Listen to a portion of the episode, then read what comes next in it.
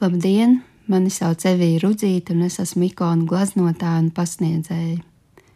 Vai jūs zinājāt, cik sena ir ikonu vēsture?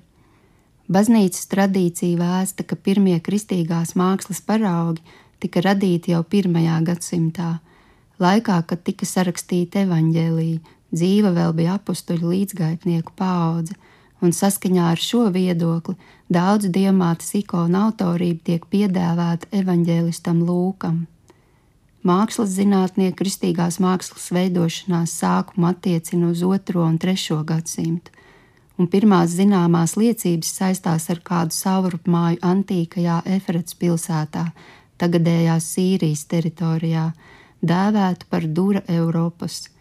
Kristiešu lūgšanu sanāksmēm un agapas mielastu noturēšanai pulcējās tā saucamajās mājas baznīcās, kas tika pielāgotas kristīgo dievkalpojumu vajadzībām – Te iespējams redzama freska ar senāko diamāts attēlojumu.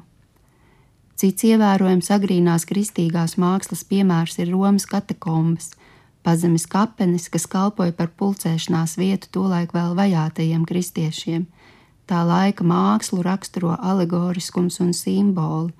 Tika izmantots antīkās mākslas valodas formas, bet piepildīts ar pavisam citu, bieži vien tikai pašiem kristiešiem saprotamu saturu Tā piemēram, Kristu visbiežāk apzīmē ar zivs simbolu, jo grieķiskais vārds ihtis ir vārdu Jēzus Kristus, Dieva dēls, pestītājs, abreviatūra.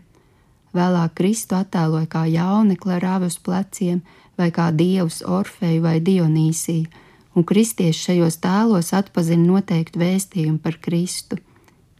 Tikai pēc 313. gada, kad imperators Konstantīns Lielais izdod Milānas ediktu, kurš paredz reliģisko brīvību arī kristiešiem, kristīgā māksla varēja pāriet no alegorijām un simboliem uz tiešu savas mācības un svēto attēlojumu. Tiesa jāsaka, ka sākās ne tikai kristīgās mākslas uzplaukums, jo tika būvēts baznīcas un tās vajadzēja rotāt ar glaznojumiem, bet arī radošs un sarežģīts laiks, jo no visa milzīgā biblisko tēmu klāsta bija jāizvēlas raksturīgākās, piemērotākās, un turklāt tās jāattēlo tā, lai precīzi paustu garīgo saturu. No šī laika, apmēram 4. un 5. gadsimta, ir saglabājušās daudz ļoti skaistu mozaīku Ravennā, Romā un citur. Kristīgās mākslas attīstībā liela nozīme vienmēr ir bijusi arī Mazāzijai, Sīrijai un Ēģiptei. Pirmo ikonu veidošanos saist ar tā saucamajiem fajūmas portretiem – mirušā cilvēka portretējumu enhaustikas tehnikā uz dēļa. Tā ir tehnika, kurā krāsa tiek sajaukta ar vasku, un šādus portretus izmantoja abedījumos. Šī tradīcija ir ietekmējusi pirmās ikonas. Senākās saglabājušās ikonas saistās ar 6. gadsimtu un ir atrodamas Svētās Katrīnas klosterī Sinajā, izpildītas enhaustikas tehnikā. Te zināmākie ir Kristus pantokrātora, apustuļa Pētera un Dievmātes tēli.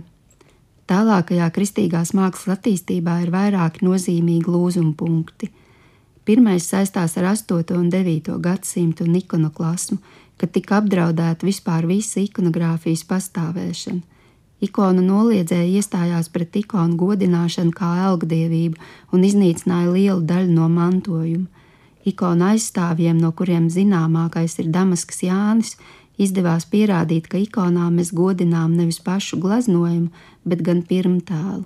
Pēc šīs pieredzes izveidojās un nostiprinājās ikonogrāfiskais kanons. Nākamais izšķirošais brīdis bija lielā schizma, jeb baznīcas šķelšanās 1054. gadā, kad nošķīrās austrumu un rietumu baznīcas turpinot tālāk katru savu, dažkārt atšķirīgu ceļu, arī kristīgajā mākslā. Izšķiroša bija arī Bizantijas impērijas krišana 1453. gadā. No 4. līdz pat 15. gadsimtam Bizantija bija nozīmīgākais un būtiskākais kristīgās mākslas un tieši ikonogrāfijas centrs. Nākamajos gadsimtos ikonogrāfija mums vairāk asociējas ar Krieviju un Grieķiju. Šobrīd varētu teikt, ka ir vērojama zināma atgriešanās pie ikonogrāfijas saknēm, un ne tikai pareizticīgajā baznīcā, bet arī katoļu un pat luterāņu baznīcās.